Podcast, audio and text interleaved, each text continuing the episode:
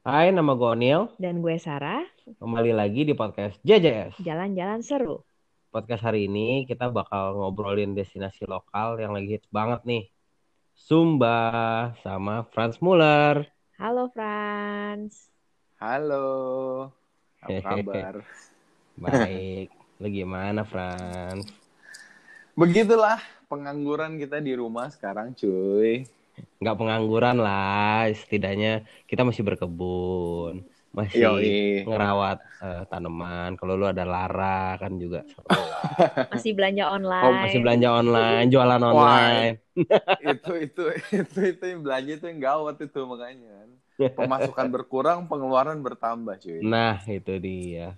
Browsing terus kan, nggak ada berhentinya. Oke, Franz, mungkin eh, kita mulai dengan teman-teman kan mungkin belum tahu siapa sih Franz Muller ini. Lu bisa cerita nggak a short story about yourself?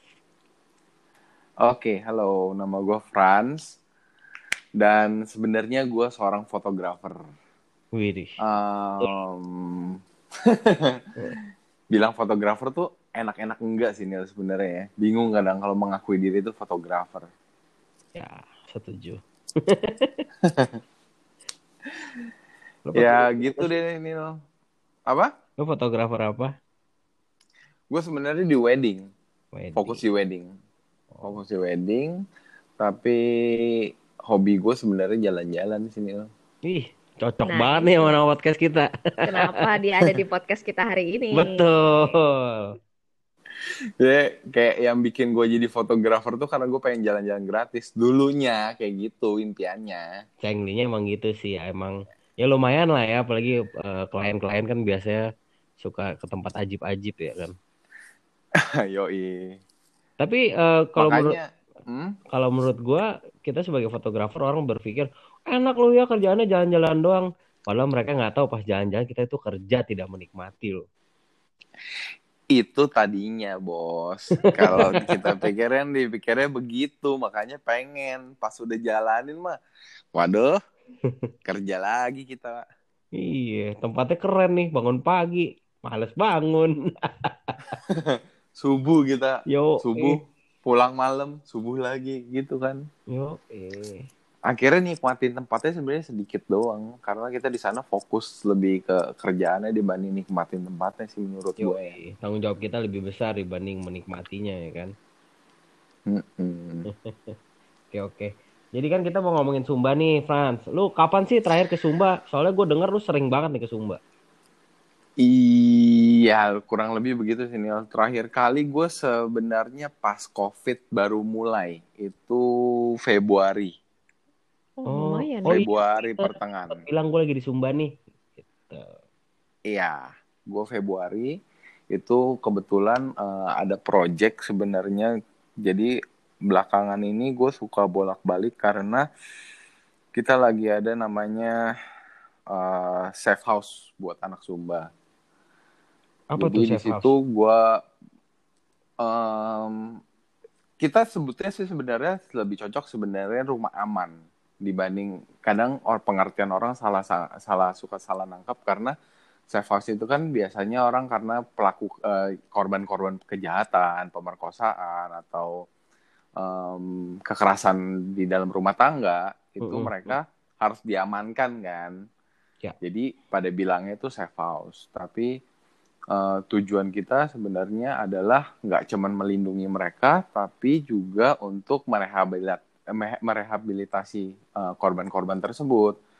Pada dasarnya pemerintah selalu berpikir bagaimana cara mencegah, tapi Mm-mm. saat sudah terjadi mereka tidak baga- tidak berpikir bagaimana eh, si korban ini untuk kembali ke masyarakat Hmm. kayak Hmm. gitu. Misalnya kekerasan eh, seksual di dalam di bawah umur.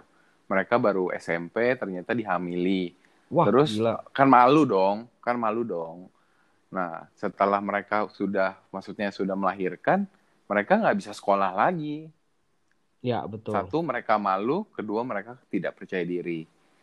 Jadi di rumah aman ini kita, eh, anak-anak ini di, dibantu untuk kembali ke masyarakat. Jadi mereka ditingkatkan kepercayaan dirinya bahwa itu adalah suatu hal yang memang mungkin kecelakaan tapi kita membantu mereka supaya kembali ke masyarakat gitu loh. Mhm.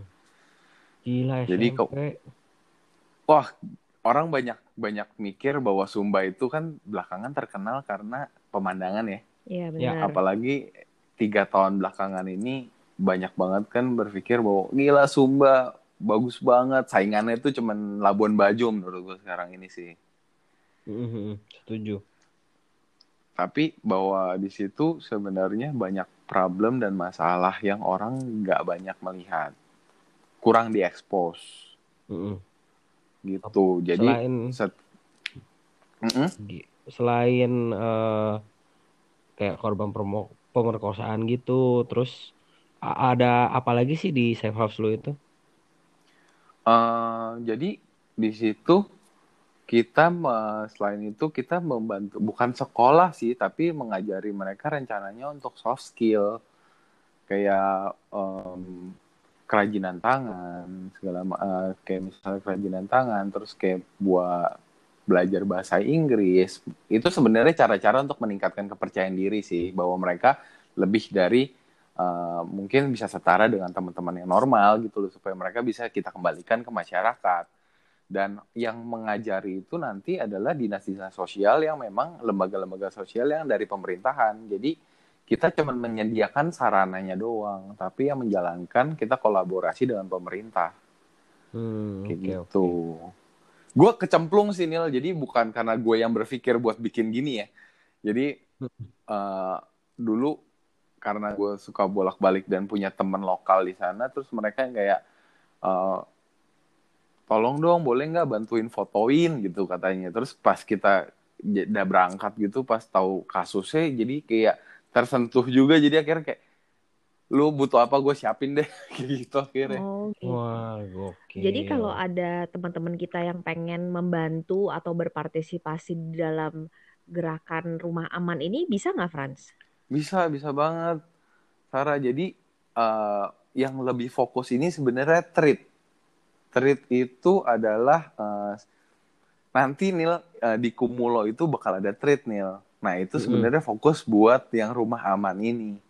Gitu. Hmm, oke. Kebetulan banget kemarin ini kita sudah dapat donasi dari gue kurang tahu ya filantropis gitu jadi ada orang Hong Kong ada orang mana yang donasi gitu jadi kita sudah dapat setengahnya sebenarnya which Gokil. is 60 ribu dolar US kita udah dapetin Sorry, 60 berapa?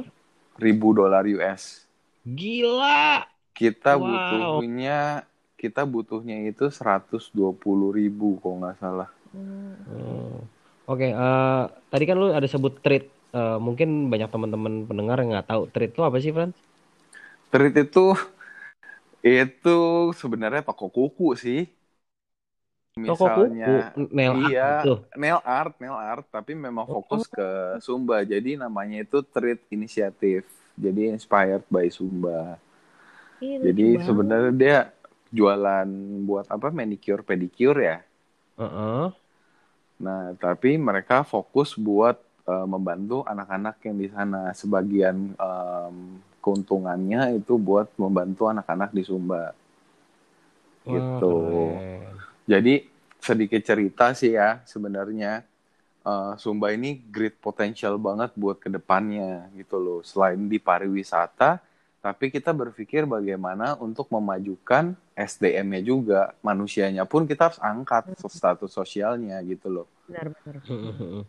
Jadi kalau kita misalnya datang ke sana berbondong-bondong karena Sumba itu bagus, tapi sedangkan orang lokalnya itu belum siap buat menghadapi turis, ya sama aja kita ngerusak menurut gue ya. Hmm, bener juga ya masuk akal eh, lu berpikir seperti itu. Gue juga sekarang kayak langsung ting gitu. Ya juga ya. Orang Kan- kalau nggak siap, bener bener bener. Jadi mereka kayak misal contohnya ada satu tempat lokasi pantai, pantai bagus Mm. banget. Ada nanti itu destinasi yang kayak sebenarnya menurut gue wajib banget nih kalau orang yang datang ke sana harus ke sana. The best beach ever man, Waduh, serius. Namanya Oke. Pantai Tarimbang. Tarimbang. Wah, gue Iya. pernah dengar tapi gue belum pernah ke sana. Itu dulu sih gue pertama kali 4 jam setengah buat ke sana Nil. Tapi sekarang karena jalannya udah lebih baik, kurang lebih dua jam setengah. Oke lah ya. Gue belum pernah nih ke Sumba. Aduh, lo harus ke sana, Sarah. Beneran. Iya, ya abis, abis COVID banyak banget tempat-tempat yang mesti gue datengin. Iya, Pokoknya setiap take podcast ya, semua destinasi yang kita sebutin dia mau pergi. Terus bikin- malah bikin bangkrut. Gak apa-apa dong, tapi kan jadi tahu tempat-tempat mungkin yang udah pernah didatengin pun kayak ada something yang aku kayak oh jadi tahu gitu. Nah ini apalagi yang belum pernah. Sumba is must sih, harus kayak lu harus datang sih. Semakin rame ini semakin eh, ya menurut gua bakalan semakin rame. Pasti ada kekurangannya nanti, walaupun ada kelebihannya juga gitu loh. Benar-benar. Nah, eh, yang gua tahu itu kan eh, orang tuh selalu eh, yang tempat bagus-bagus itu Sumba Timur katanya. Dan gua pun belum, gue selalu ke Sumba Timur. Gue belum pernah ke Sumba Barat. Mm-mm. Kalau lu pasti udah explore semua kan. Lu bisa ceritain nggak buat kita gitu? Bedanya apa sih Sumba Barat, Sumba Timur? Gitu. Oke, Eh, Sumba Barat dan Sumba Timur itu sebenarnya adalah suatu kesatuan pulau. Mereka tuh kan terbagi dulu ya nilai dulu Sumba ba- Sum- Pulau Sumba itu kebagi dua nil, Sumba Hmm. Barat dan Sumba Timur. Tapi sekarang ke- menjadi empat nil. Ada Sumba Barat, Sumba Timur, Sumba Tengah, Sumba Barat Daya. Oh Yaitu gitu. Sejak kapan iya, tuh? kurang lebih kayaknya udah mau lima tahun belakangan deh. Gue kurang tahu sih pastinya ya, tapi ya itu Heeh. biasalah politik bagi bagian wilayah supaya maksudnya kan APBD turun terpisah jadi mereka nggak rebutan intinya kayak gitu tapi Ah, oke, oke, oke. ada kelemahannya gitu loh orang berpikir bahwa Sumba Barat dan Sumba Timur karena satu pulau itu sama tapi sebenarnya itu 180 derajat bedanya. Gitu. Sumba Barat itu datarannya itu lebih rendah dibanding Sumba Timur. Satu itu. Ya. kedua manusianya sangat berbeda nih Nah, Jadi itu yang gue dengar. Sarah nih kalau ke sana, Sar, lu Mm-mm. nggak ada cowok-cowok, jangan jangan sendiri cewek-cewek doang main di Sumba Barat. Karena menurut gua lumayan risih di sana. Oke. Tapi kalau di Sumba Timur aman. Di Sumba Timur sangat-sangat aman. So far gue sih situ sangat nyaman sih. Makanya gue biasanya kalau bawa tamu untuk motret, gue tidak pernah bawa ke Sumba Barat. Jadi selalu di Sumba Timur. Tapi kalau kayak mau girls trip gitu memungkinkan nggak untuk kita ke Sumba Timur cuman cewek-cewek aja gitu? Boleh, bisa banget. Sebenarnya sampai Sumba Barat Timur juga mah boleh. bisa.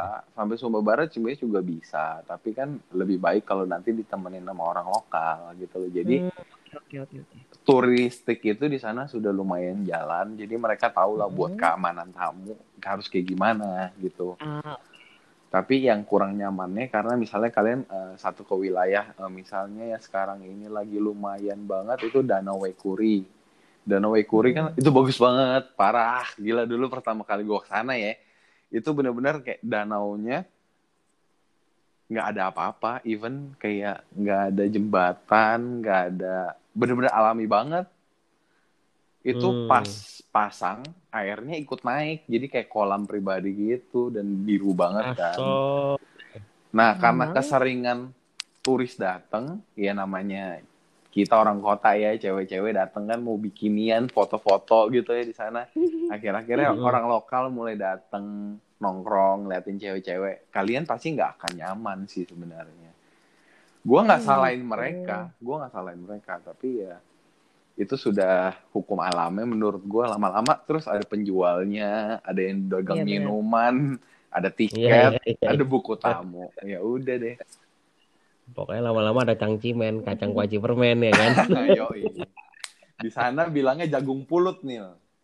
Apa tuh jagung pulut? Makanan khas itulah Sumba Tengah banyak. Jagung pulut, jagungnya kayak ketan gitu. Itu enak sih gue doyan. Oh, Oke. Nah, iya, soalnya gue eh, kayak gue udah berapa ya tiga empat kali ke Sumba dan driver gue tuh selalu bilang eh, Sumba Barat itu eh, nggak aman bos katanya. Kalau mau pergi ajak saya, jangan pergi sendiri. Pokoknya di sana beda banget. Terus dia juga, gue ingat dia pernah bilang anak-anak kecil pun di sana eh, bawa parang kakak ngomongnya gitu. Iya. Serem banget kan? Benar, benar, benar. Itu benar. Jadi parang itu di situ kayak ibaratnya kayak orang apa ya? Kalau orang Jawa Betawi itu kayak lu jalan nggak pakai sarung gitu loh. Kalau mereka nggak bawa Hmm. parang, ibaratnya gitu. Ya gila, tapi kan anak-anak kecil bocah katanya bawa parang udah gitu bisa eh kak ada rokok nggak kak gitu-gitu Iya, emang benar benar benar. Terakhir gue ya ke Sumba Barat, ke Sumba Barat nih. Hmm. Terakhir itu bawa anak-anak fotografer nih, rame-rame. Mm-mm, Terus gue bawa ke desa Retenggaro. mm-mm. Baru nyampe kita dikeroyok cuy, bener-bener dikeroyok. Mereka minta uang. Anak-anak kecil tuh diajarin supaya minta uang ke turis-turis. Dulu yang sering datang ke Sumba Barat itu bule. Mungkin mata uang mereka kan 10.000 ribu atau 100 ribu kan kecil ya buat bule. iya betul Jadi kayak terbiasa dengan uang, mereka minta buat beli buku gitu katanya. bilangnya beli buku pasti beli rokok itu Jadi kalau gitu untuk eh, turis nih idealnya ke bagian mana dong? Tetap ke timur ya berarti ya? Eh, Sebenarnya gue suggest buat turis, kalian harus tetap road trip dari barat ke timur, jangan dari timur ke barat. kenapa Sumba Barat dulu Franz Iya, jadi gue merasa sih menurut gue ya, ini pendapat pribadi gue selama gue keliling di Sumba. gue pengen sebenarnya eh, para turis yang datang atau which is teman-teman gue atau klien gue yang datang itu punya experience yang maksudnya floatingnya tuh naik gitu, bukan turun. Di sedangkan di timur yang memang nggak eh, tempatnya lebih sepi, nggak diganggu orang, pemandangannya bagus, tiba-tiba lu pindah ke barat yang rame, terus nggak nyaman karena diliatin orang atau misalnya mereka minta uang ke kalian gitu-gitu. Jadi tuh lagi habis seru enak-enak tiba langsung turun ke langsung dipalak gitu kan kagak asik ya. Jadi pendingan Hmm, bersusah-susah dulu gitu loh baru terakhirnya di timur. kan Nah, itu menurut gue. Nah kalau gitu berarti kan kita emang harus experience dua-duanya ya, barat dan timur. Mm-mm. Untuk orang-orang yang mau ke sana nih, turis, itu eh, idealnya berapa lama sih, Frans, kalau mau ke Sumba? Hmm, biasa gue saranin kurang lebih lima hari sih, sehari. tapi sekarang destinasinya kan makin banyak nih. Mm-mm. Otomatis kayak kalau tipikal yang mau nyarinya tempat dan foto lima hari sih enough. Tapi kalau kalian mau leisure yang santai-santai gitu, gue rasa harus 6 sampai 7 hari sih. Hmm, oke. lima hari empat malam ya Iya, jadi eh, di baratnya itu kurang lebih cuman dua hari satu malam, ya kan? Mm-mm. Eh, di timurnya yang tiga hari dua malam sih. Di timur itu lengkap banget nih, bener-bener lengkap banget. Lu mau nyari apa? Air terjun ada, lu mau nyari savana ada, lu mau nyari benar benar bukit ada, lu mau cari pantai ada, lengkap men. Mau- Cuman gunung mau aja nggak ada. pohon sakura juga ada men gue inget banget Ada, ada. di September. Sumba itu ada pohon Ya? sakura iya Hmm. Hmm, oke, menarik. Tapi jangan expect kayak Jepang ya kayak dari Eh. ujung ke ujung gitu sakura Ada spotnya Nil, ada spotnya Nil. masa sih gue Ada. waktu itu lihat nggak nggak nggak nggak nggak penuh sih gitu Jadi kalau mau lagi berbunga, kapan dong perginya? September sampai November, tapi banyak kan di sudah di November baru dia blooming sih. Oh, oke. Tuh Iya. guys, jadi nggak jauh-jauh ke Jepang, ke Sumba juga udah ada. ya Gue kan? dulu norak loh Nil, lihat itu. Sumpah. Klien pun kita ajak foto di sana. Karena kayak aneh gitu kan, nggak sakura tapi di Sumba. Soalnya kan kering banget ya, tiba-tiba ada yang Iya. blooming gitu di antara padang savana itu kan eye catching banget. Yoi yoi. Kalau lu ke arah eh, savana Purukambera, itu sebelum tanjakan yang ke bukit, itu di sebelah kanan tuh ada. Nah, Hmm, karena saking oke. ramenya turis datang foto di sana, depannya itu ada rumah orang. Akhirnya dia pungut biaya 50 ribu nih. Anjir cari duit tuh orang ya. Iya Wah, tuh beneran. banget orang pinter. Mau foto 50 ribu, uang parkir katanya kayak gitu. Indonesia nggak jauh-jauh, uang parkir, uang rokok. Ya itulah yang gue bilang SDM-nya tidak siap ya itu masalahnya menurut gue sih. Ah, oke. Selain ke Puro Canberra itu, gue pernah ingat gue diajak ke air terjun Tanggedu. Ya itu Iya. bagusnya. Itu sih bagus banget, tapi kebetulan dari tiga kali kayaknya gue ke Tanggedu, keempat kali gue udah nggak mau karena itu perjalanannya sih Setengah mati ya. sih, setengah mati sih perjuangannya sih ke Ini- Tanggedu. Ini ini apaan? Apa Air maksudnya? terjun. Oh, air terjun. Oke. Yang pertama dan saking membekasnya tuh trip pertama gue ke Tanggedu itu pas lagi turun kan turunnya itu kan kayak kita nurunin eh, hills ya bukit tapi tanah tanah bener-bener tanah Mm-mm. dan nggak ada tangga cuman pegangan sama tali tali nggak jelas gitu tali tambang itu lagi lagi hujan Frans Wah licin banget dong tuh. wah tuh gila licinnya cuy Airnya coklat dong nih lo datang hujan. nah airnya coklat kan ekspektasi ngeliat di Instagram liat di gue Iya iya iya. iya. keren banget Tangeru nyampe sono udah hujan coklat terus udah selesai akhirnya tuh hujan tetap turun gitu. Kayak ya udahlah udah nanggung. Kebetulan waktu itu pergi juga sama teman-teman fotografer bukan sama klien. Udahlah nanggung nanggung nanggung. Oke. Terus pas kita mau pulang kan nanjak tuh. Mm-mm. itu nanjak masih hujan. Selesai kita nanjak dia langsung panas sepanas panasnya dunia. Emang ik- iklimnya berubahnya gila di sini cepet banget soalnya. Bener-bener gue bisa bilang tuh kayak Sumba itu kayak Icelandnya Indonesia Nah, dia gue setuju banget nih, gue setuju banget nih. berubah terus Iya, gitu setuju banget gue. Iya. Itu gila banget sih cuacanya. Nah itu gue ingat banget Tangedu. Tapi it's worth the walk ya teman-teman. Jadi Berapa lama tuh jalannya? Dari kamu turun turun dari mobil. berapa lama Frans? Sejam Kurang ya lebih kayaknya, 45 menit sih, tapi kalau yang kayak 45 menit. fast gitu udah biasa naik turun kayak 20 menit sih nyampe biasanya sih. Cepet. Hmm. Sekarang udah enak nih. Onil mau. Sekarang udah enak Sekarang Nil. udah enak ya? Udah enak. Sekarang lagi pertama udah dibangun jembatan, lagi dibangun jembatan. Tapi Hmm, hmm, hmm. parkirnya lu sudah di uh, turunan yang paling bawah. Dulu kan lu parkir di depan rumah tuh, ingat nggak? Harus Betul, turun. depan rumah penduduk. Ya, harus turun ke bawah. Sekarang lu bisa turun sampai bawah, gitu. Mm-mm. Tapi, Pokoknya hmm, eh, soundtracknya itu menurut gue kalau teman-teman lagi ngebayangin nih mau lihat air terjun tuh soundtrack pas jalan itu kayak kayak lagi dengerin Ninja Hattori Nah, iya. mendaki gunung turun di lembah kayak gitu naik lagi habis itu kan dikerjain. naik lagi oh nyampe nih turun lagi gitu kan terus sampai ngelewatin rumah penduduk ada babi lah ada apa gitu kan Iya. kalau Kalau nah, selain Tanggedo ada satu lagi apa Waimarang, terjun. oh iya tuh. Waimarang juga keren banget Air terjun juga ya berarti ya nih ya. air terjun. Waimarang. Tapi Wai- ad- ada Wai- lagi nih, Hmm. ada lagi nih, apa tuh Mata Nyangu. waduh Itu sih lokasinya di Sumba Tengah, bukan di Sumba Timur. oh pantas gue belum pernah belum pernah Tapi bagus banget, beneran bagus banget. Jangan buat foto nil kalau ke sana nikmatin aja beneran rugi. buat berenang ya Yoi. Jadi Sumba tuh lebih bagus dilihat daripada di foto ya. Eh, Wah, ini bagus banget sih. Betul. bener Gue setuju Sarah. Even better when you look at eh, kamu di situ gitu Jadi seperti Iceland dong. Iya, Beneran. beneran. Lebih bagus Versi lihat daripada di foto ya. versi gersang doang, tapi bukan panas versi ya. gersang Kalau lu Oke. eh, ke sana on the right time, menurut gue lu bakal Hmm. nikmatin banget. Lu Juni Oh berarti until Agus. Oh oke. itu the best time lah ya Iya, Itu tuh jadi nggak panas, terus Eh, kayak eh, ada gitu.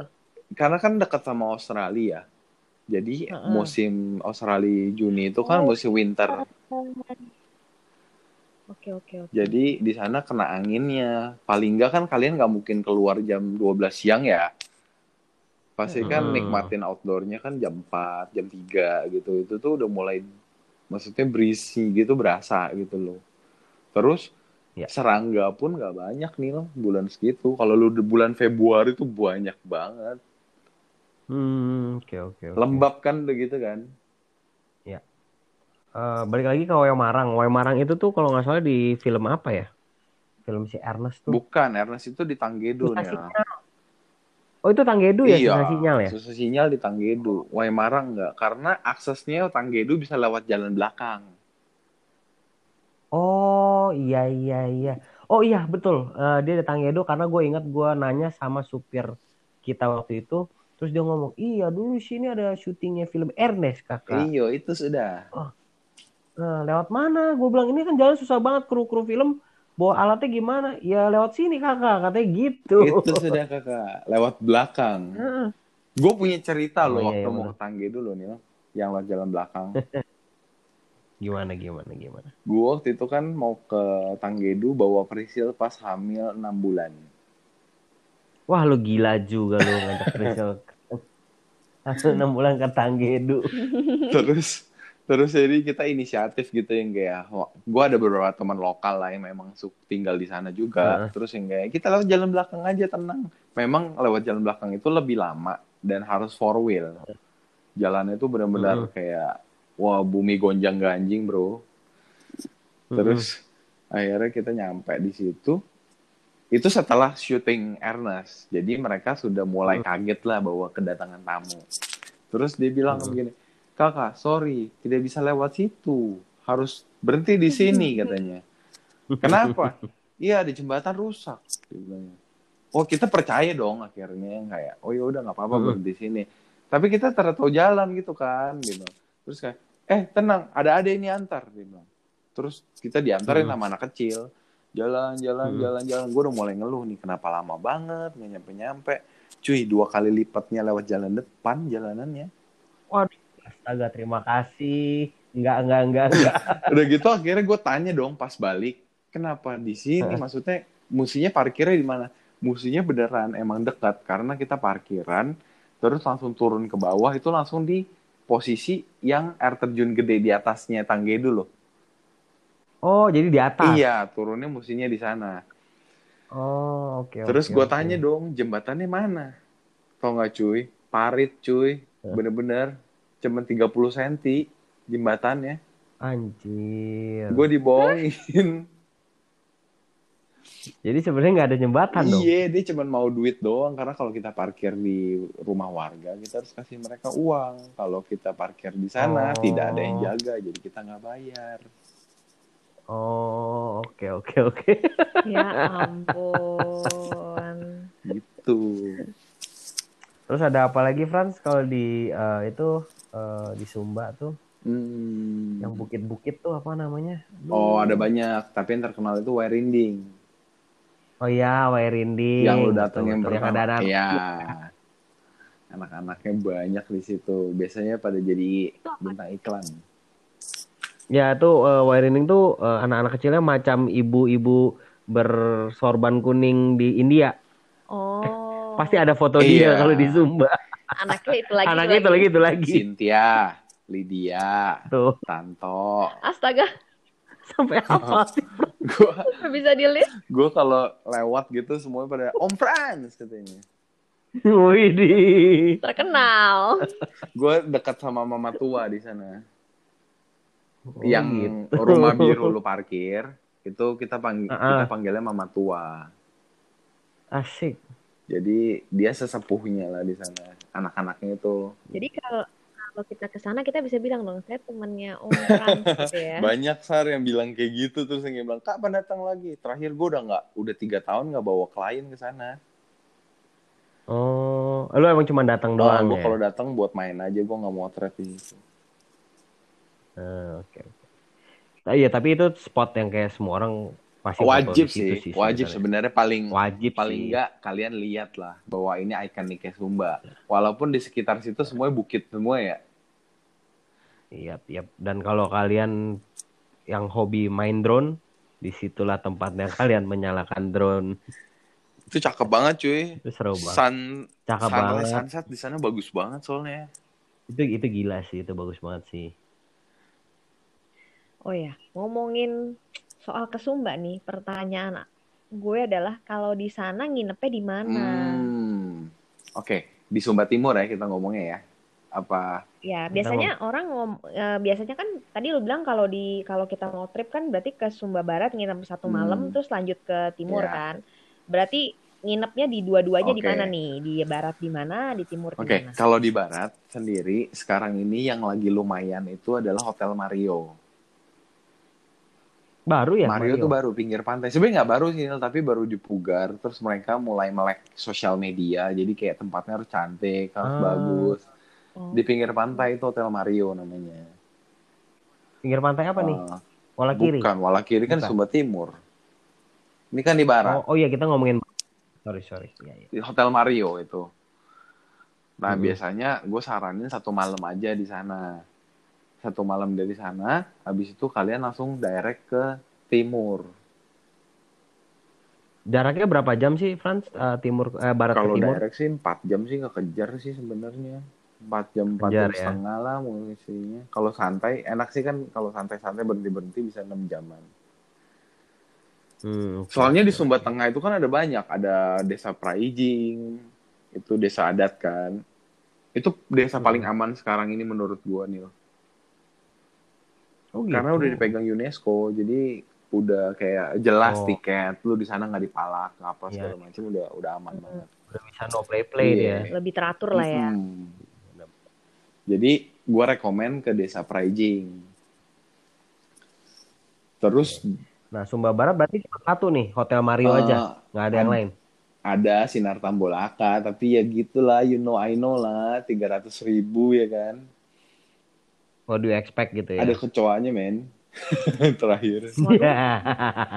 Oke, Jadi coret. Oke, jadi nggak direkomendasikan ya itu Ah. ya. Cuma kalau teman-teman yang demen demen kecoa ya boleh lah di situ. tapi di sebelahnya ada hotel baru juga Hotel Luigi bukan?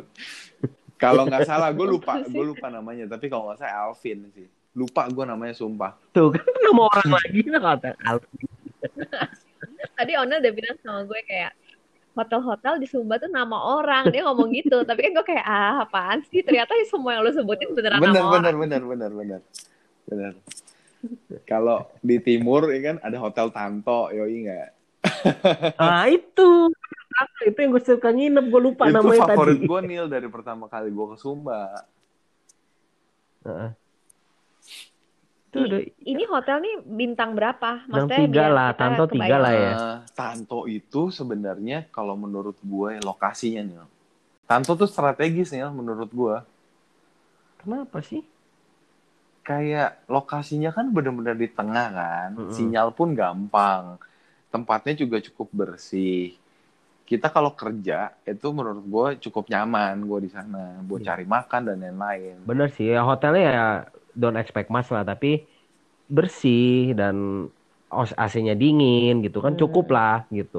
Oke, oke. lagi pula kan lu banyakkan kegiatan outdoor kan gitu Ya, loh. lu nggak perlu spend terlalu banyak di dalam hotel juga. Cuman kalau kita spend banyak waktu melakukan kegiatan outdoor, pulangnya tuh capek, pengen tidur enak gitu. ah Nah, masih ada satu lagi yang terkenal banget tuh suka kehabisan kamar. apa? Pada Dita Nah itu pada Dita, Itu bukan nama orang. bukan. bukan itu soalnya baru sar Oh, berarti kalau bukan nama orang lebih baik ya sebenarnya. Nggak, nggak, Iya, karena hotel ya expect bagus kok itu. oh, itu bagus. Itu bintang berapa? Ya don't expect bintang 5 ya, iya, cuman iya. Cuma maksudnya tapi lebih better dari yang ya bintang 4 low lah. oke. Tapi bagus. bagus. eh, ada dua lagi cuy ada dua lagi Apa tuh? sebenarnya paling enggak sih sebenarnya gue saranin kayak misalnya saran nih lu mau ke sana ya. Paling enggak lu nginep satu malam di eh, Morinda Villa. Morinda Villa, gue belum pernah. itu yang bukit lu lu mau naik nih lu mau naik ke bukit Morinda. Dulu gue pernah lihat foto lu naik yang lihat sungai. Itu di bawah ada villa. Oh iya, gue nginep situ, Deng. Iya bener. yang nggak ada sinyal nih sama air panas Betul. Ah, tuh sorry nggak ada air panas. Nggak ada. Iya nggak jadi dong. Aku nggak bisa. Oh iya, gue pernah nginep situ, betul. Itu pertama kali gue pergi sama UPG. Nggak, ini kenapa lu rekomen tapi nggak ada air panas dan nggak ada sinyal? Kenapa? view-nya bagus banget sar jadi lu kalau Depan mau kamar lihat- udah langsung bagus gitu. Jadi pas check in udah mandi, nyampe sana beraktivitas, besok paginya check out, baru pindah hotel, baru mandi biar dapat air panas. Pindah hotel lain maksudnya. Sekarang sih udah ada wifi ya katanya ya Aduh, kalau kalian pernah nonton eh, UPG punya trip eh, Sumba tuh, kita tuh nyari signal rame-rame berdelapan. Itu gila susah banget dapat satu bar ya udah hoki banget di sana. akhirnya itu kan ada tempatnya di samping yang kasir lu taruh handphonenya di situ Iya, taruh iya cuman di situ, cuman di situ kakak sinyalnya. itu Taruh di situ emang. eh tapi kalau lu naik ke atas bukit itu kencang banget sinyalnya Iya, kalau di atas bukit bener dapat sinyal, cuman kalau di villa itu sih amsyong. Pokoknya teman-teman nih pesan dari kita ya. Sumba itu beneran kayak filmnya Ernest, susah sinyal. lu nyari Susah pohon banget. sinyal lu nyari pohon sinyal itu beneran ada Oh gitu. iya beneran Jadi kalau lu lagi ke lintas kota gitu, tiba-tiba lu lihat ada motor berhenti nongkrong di bawah pohon tuh biasanya di pohon itu ada sinyalnya. Karena mereka Bukan pangkalan bukan pangkalan ojek ya. bukan bukan. Jadi dia orang nelpon keluarganya gitu ya di bawah pohon itu biasanya ada sinyal. Tapi banyak nggak pohonnya? Eh, so far sih ada aja gue kurang tahu ya, tapi pasti kayak ke arah Purkambera ada satu, ke arah Tarimbang gue nemu satu gitu loh. Satu doang. Tapi lu pas di sana jadi susah nggak kalau mau kayak kontak eh, ke luar? Maksudnya kayak beneran mau kontak orang gitu. Jadi ribet nggak? Susah. Sekarang sih udah enggak sih sekarang ya, tapi kita ngomong lu terakhir eh, pertama ke sana empat tahun lalu kali ini leh. Ada sih empat Nah, tahun lalu. empat tahun lalu memang masih agak susah. Sekarang Excel udah ada kok. Dulu kan Telkomsel doang. Ya betul. Dulu Telkomsel doang. Sekarang Excel udah kenceng kok di situ. Tapi gue terakhir eh, itu berarti tahun lalu, almost two years ago lah itu terakhir gue ke sana. Sinyal sih better dari first trip gue ya. Tapi walaupun better juga nggak better better banget menurut gue masih susah juga gitu.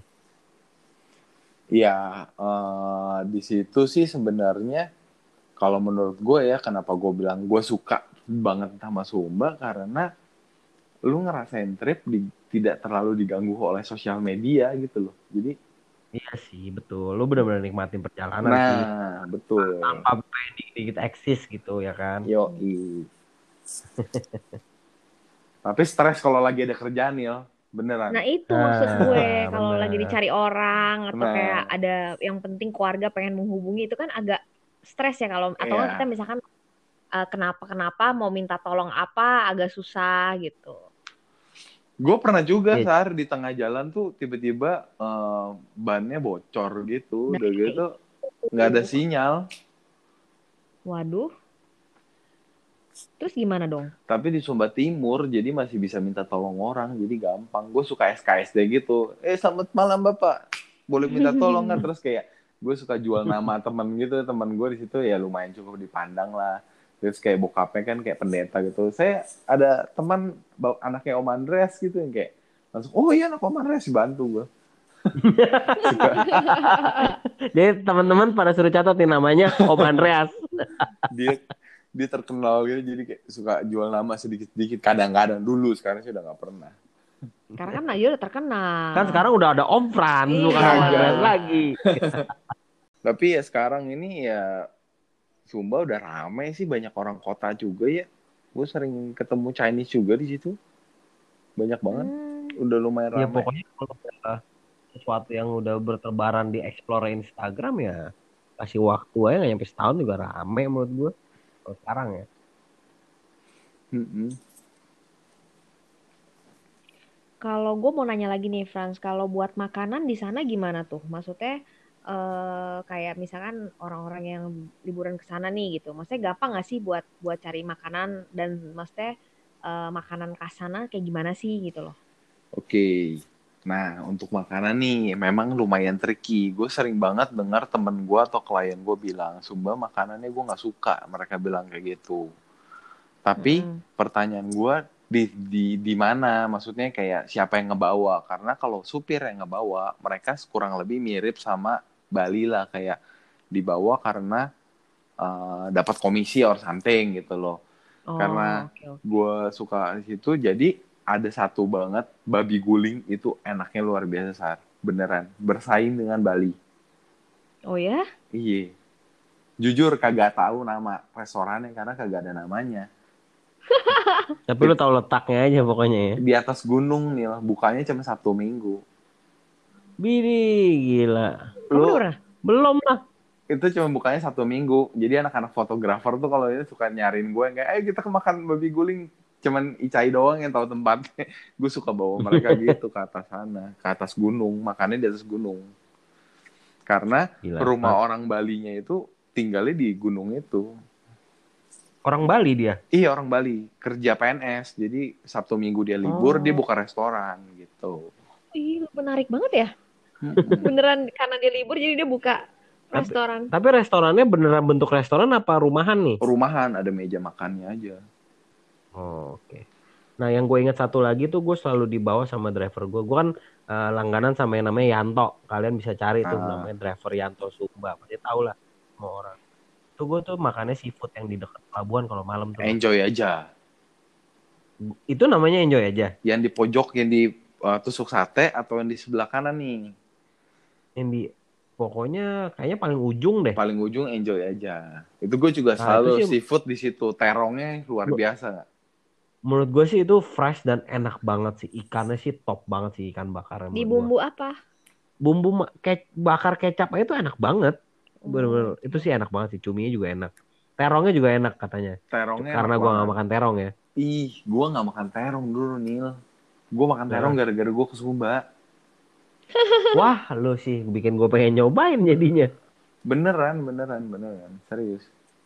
Jadi makanan sebenarnya kalau selama kita tahu mesti makan di mana, sebenarnya aman-aman aja ya. Aman, Maksudnya Sar. nggak ada yang kayak aneh-aneh gitu kan. Aman. Aman, aman. Di Sumba itu gak Tapi- punya makanan khas.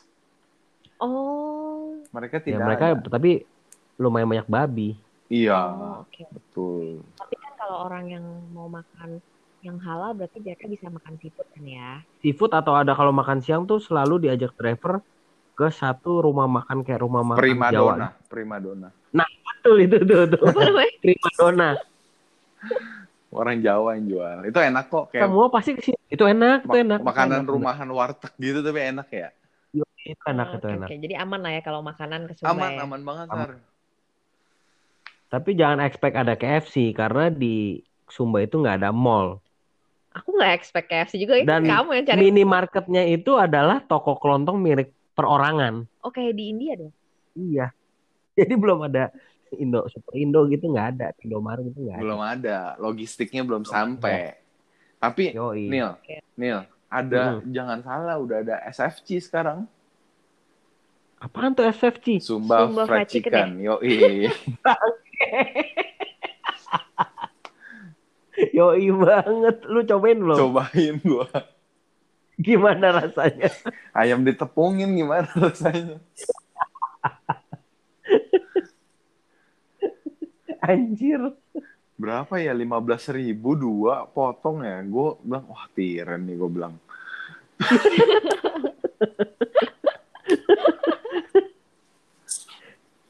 Oke, Bro. kita eh, mungkin kita rekap sedikit kan tadi kita udah ngomongin lokasi tuh kayak cuman baru beberapa kan kayak Tanggedu, eh, apa satu lagi yang tadi lu Ware- bilang Wa- Wai Marang. Wai Marang, terus ada Bukit apa? Eh, Poe Rinding. Bukit Wai Rinding, terus ada lagi tuh namanya apa ya satu tempat eh, Apa nih? oh Pantai Walakiri itu juga Oke. harus ya. Wala kiri ya. Bagus. Terus ada tempat-tempat apa lagi, Frans? Timur Hmm, gitu. Di timur itu Timur. menurut gue yang paling the best sekarang ini itu kalau bukit ya. Mm-mm. Itu Hiliwuku. Apa lagi tuh? Itu sebenarnya abang, namanya itu beda. Jadi gini nih, kalau di Sumba itu siapa yang injak pertama terus mentenarkannya itulah namanya. Oh gitu. Iya, kenapa Bukit Morinda ya karena ada Villa Morinda di situ. Om Freddy naik ke atas, pokoknya di Bukit Morinda. Akhirnya orang kedua, ketiga bilang Bukit Morinda. Akhirnya semua orang bilang itu Bukit Morinda. Gitu loh. Jadi Oh, kayak jadi eh Hilibuku tuh ada di desa desa Lendeha sebenarnya kan setelahnya itu. Jadi Heeh. ada yang bilang Hilibuku, ada yang bisa bilang Bukit Lendeha, ada yang bilang Bukit Merdeka. Jadi kayak nama pastinya. Oh, itu namanya Bukit Merdeka. Iya, ada yang bilang gitu-gitu lah. Bukit Merdeka, cuy. Itu kan karena Tanah Rara kan. Ya, betul. Tanah Rara juga bagus ya. Nah, itu Tanah Rara belum sampai Nil. Tanah Rara tuh masih jauh lagi. Tanah Rara tuh kan artinya kan tanah merah. Sebenarnya itu desanya itu Ya. tanahnya warna merah. Itu masih di perjalanan. Belum sampai. Nah, Bukit Merdeka itu bagusnya sunrise ya kalau nggak salah ya. Hmm, gue selalu datangnya sih sunset. Tapi gue nggak tahu sih. Lu malah sunset Iya, ya? gue soalnya baru dua kali. Pertama gue cek Ah, lokasi, kedua gue anterin AHA. Hmm, oke. Sunrise sama sunset tuh gue datangnya. Tapi gue ngerasa itu kayak, kan lo diapit kanan kiri bukit ya? Lo di jalanan Ya. gitu kan? Jadi Ya. Gue kayak nggak into ke sana gue lebih ke bukit si Hiliwuku itu Hmm, oke oke oke. Dan di Sumba itu eh, gue ingat gue lupa di salah satu bukit mana, cuman gue ingat gue ketemu eh, lagi motret nih, lagi motret terus tiba-tiba dari kejauhan tuh kayak ada kecil-kecil kayak pentol korek atau ya anak-anak bocah pakai baju sekolah. Terus nah, mereka jalan terus lama-lama cepet banget jalannya kayak anjir cepet banget, paling itu jauh banget gitu. Terus tiba-tiba mereka lewat gitu, misi om gitu. Mereka tuh ke sekolah pada nggak pakai sepatu, kesian banget. Iya, Sepatunya mereka sepatunya dipegang. betul. Mereka takut rusak sepatunya. Oh, karena jalannya jauh ya? Bukan mereka karena punya sepatu susah. Jadi mereka malah nggak dipakai sepatunya, takut rusak. Sepatu itu benda berharga mereka nih. Iya benar gitu. Terus gue nanya, adik sekolah di mana? Sudah dekat om. Berapa jauh? Ya 5 kilo lagi lah om. Anjir. Belum naik bukitnya kan. Belum bagi bukit. Belum naik turun bukitnya itu gila sih mereka. Keras hidup sana sih keras sih. Lumayan gila. sih. Dan mereka tuh kayak masih, aduh polos banget. Kalau ketemu selamat pagi kakak, gitu kayak itu selalu ya kayak kayak happy aja Iya. gitu selamat pagi. kayak Bener-bener. menyenangkan Emang ramah banget. gitu. Heeh. Nah, Iya, di menyenangkan. Sumba Barat kagak ada sar kayak gitu. Oh gitu. Nggak ada. Iya, adanya kakak Yang ada mereka tuh melotot sambil makan pinang. pinang. Pinang kan merah ya. Jadi kayak mulutnya berdarah gitu dia melotot dong, ngunyang, liatin lo, terus kayak mau mangsa orang gitu kayak serem cuy. Anjir serem Iya. banget. Kayak kanibal gitu serem, dong ngeliatin serem, lu. serius, serem. Tapi ini ini kabarnya doang ya. Kan teman gue ada yang Hmm. memang udah sampai dekat banget sama kepala desa sana segala macam. Mereka bilang sekalinya lu dekat sama Sumba orang Sumba Barat, mereka anggap lu keluarga, mereka berani bisa mati buat lu gitu loh. Hmm. Katanya gitu. Tapi gue nggak kurang tahu juga ya. Jadi kayak apa ya mereka tuh kayak benar-benar masih kalau di film-film tuh film jadul yang orang-orang di Amazon gitu kali ya. itu masih kental banget nih. Sekarang itu kayak misalnya nih, kan teman gue banyak di WVI kan. Eh, itu lembaga Hmm. sosial lah kayak Wa- Wahana Visi Indonesia. Eh, jadi Mm-mm. mereka itu lagi mau membu- memutuskan rantai budaya gitu. Jadi kayak ini pro dan kontra sih. Di satu sisi kayak budaya itu kan kayak harus di harus dijaga supaya tetap ada kan. Nah, Mm-mm. tapi di situ budayanya itu aneh banget. Masih ada perbudakan hamba. Hah masa? Masih nih. Jadi kayak misalnya nih lu lu raja nih ya, lu punya lu raja, lu punya Heeh. hamba kan. Hamba itu Heeh. ya pesuruh lu, dia akan ngikutin lu ke mana aja. Lu suruh-suruh nanti Anjir. hambanya itu punya anak. Anaknya itu biasanya Heeh. jadi hambanya anak lu. Oh, kayak bu- Oh, kayak jadi budak Iya, kayak gitu slave. ya? Iya beneran perbudakan. Beneran. Slave, slavery itu Masih ada kawin paksa. Gila coy 2020 Itu coy. yang sekarang kita lagi berusaha supaya rantai itu putus gitu loh. Kasian. Hmm. Lu kalau di film-film Hollywood lu ya kayak orang putih yang tiba-tiba datang mau menghapus itu lu dikejar-kejar pakai tombak lu. Ya. gua, temen gue yang kayak memang anak-anak eh, maksudnya di Wahana Visi ini kan. Begitu juga banyak kan forum-forum Sumba. Mereka kan suka share kan ke Iya. kita. Ya ada video-videonya yang kayak tiba-tiba lagi nongkrong cewek-cewek gitu. Tiba-tiba yang kayak diangkut buat dikawinin gitu. Serius. Ah gila serem banget. Terus yang kayak semua orang teriak, eh cewek teriak, tolong, tolong, kakak, tolong, nangis-nangis gitu. Sat- Nggak ada satupun yang bantuin. Gila.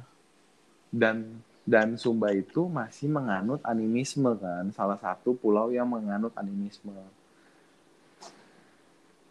Gitu. Jadi, Pemakaman mereka itu eh, masih ke apa ya ibaratnya mereka tuh kumpulin uang kayak Toraja lah kurang lebih kumpulin uang buat ngadain pesta gede-gedean Mm-mm. apalagi kalau keturunan raja mereka tuh harus nyiapin itu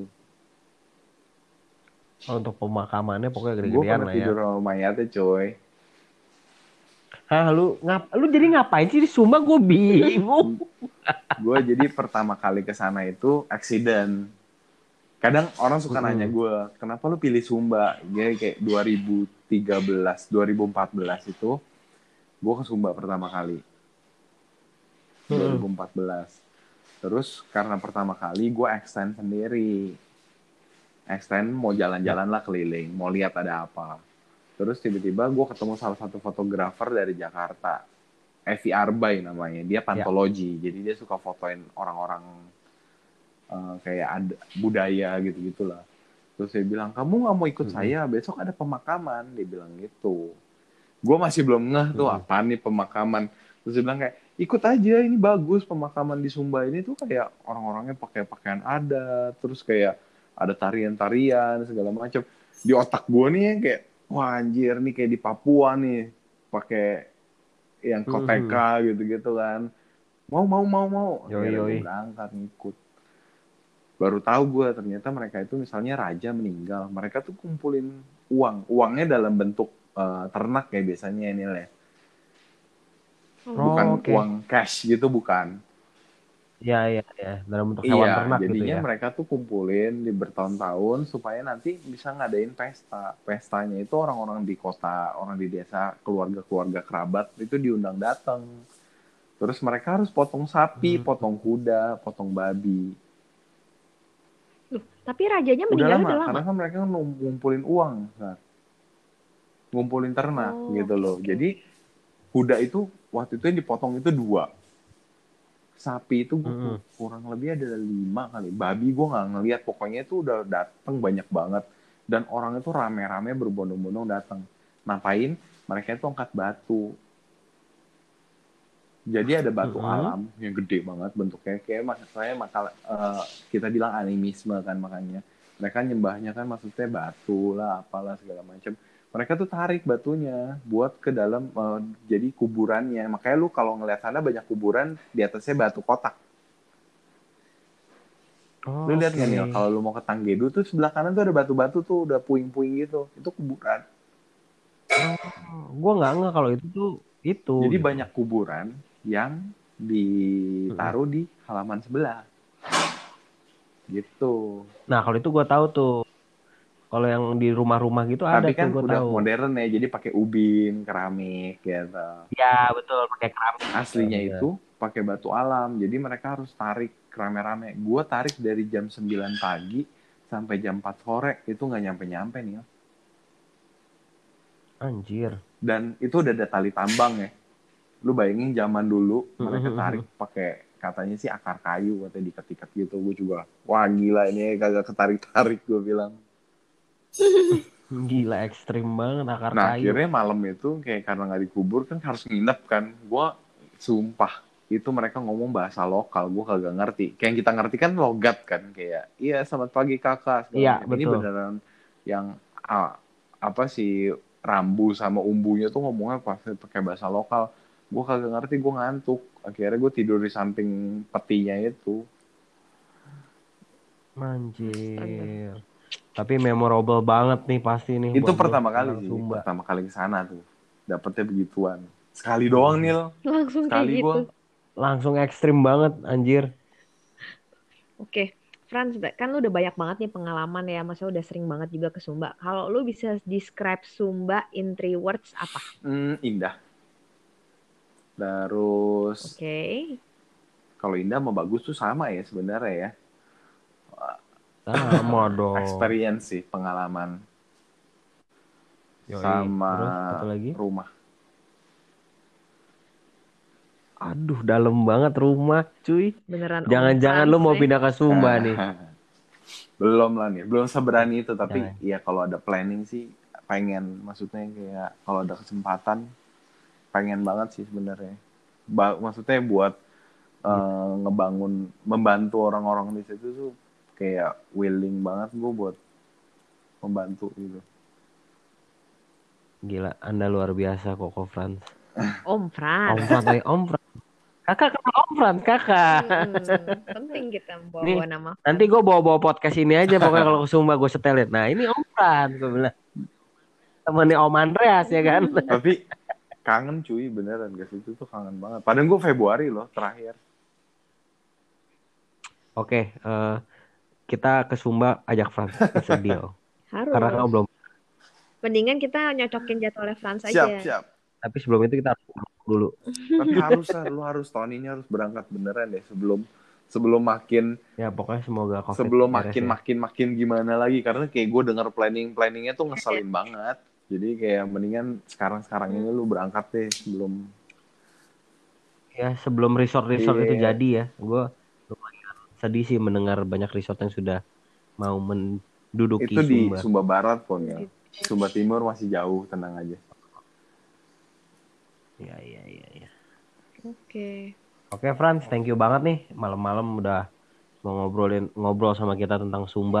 Gua salut sama lu dengan pergerakan-pergerakan lu dan pengetahuan lu tentang Sumba luar biasa banget sih. Dan berhasil membuat gue jadi pengen ke harus Sumba. harus harus Luar terima biasa. kasih sama-sama semoga yang yang yang dengar terima juga kepengen ya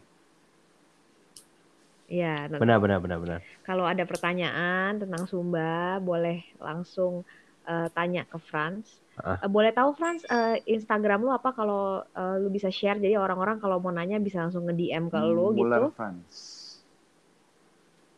Muller Franz. Betul. Oke. Muller Mullernya M U L L E R Muller. Franz. Double L ya. Ya, double L. Oke. Jadi kalau ada yang mau nanya boleh boleh nanya ke Ya, Franz. kalau mau nanya-nanya ke gua Onil juga boleh.